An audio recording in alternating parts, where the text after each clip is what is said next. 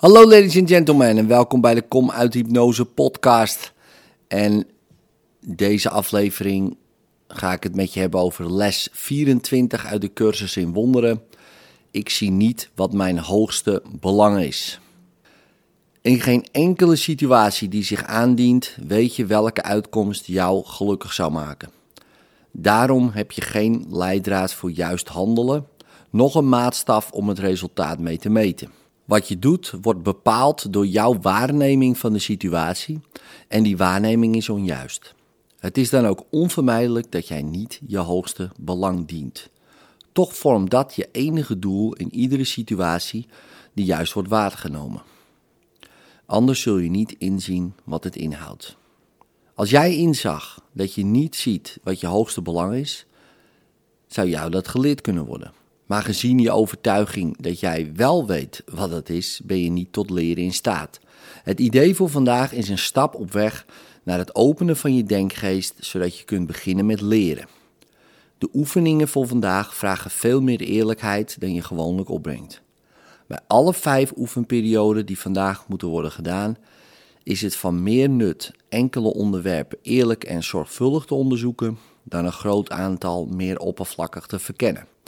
Voor elk van de perioden van gedachteonderzoek die de oefeningen behelzen, wordt twee minuten aanbevolen.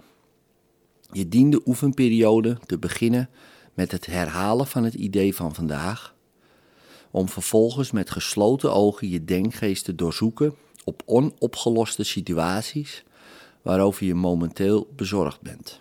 De nadruk moet worden gelegd op het blootleggen van de door jou gewenste uitkomst. Je zult snel inzien dat jij een aantal doelen in gedachten hebt als onderdeel van de gewenste uitkomst.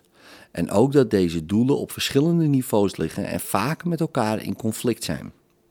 Noem bij het toepassen van het idee voor vandaag iedere situatie die in je opkomt en som dan nauwkeurig zoveel mogelijk doelen op die jij als oplossing van de situatie verwezenlijkt zou willen zien.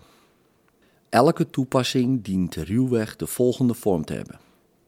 In de situatie met betrekking tot puntje puntje zou ik graag willen dat puntje puntje gebeurt en puntje puntje gebeurt enzovoort.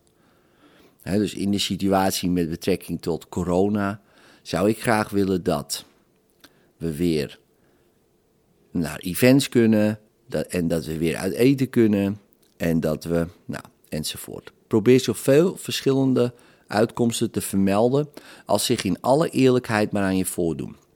Zelfs al lijken sommigen niet direct verband te houden met de situatie, of er zelfs helemaal niet bij te horen.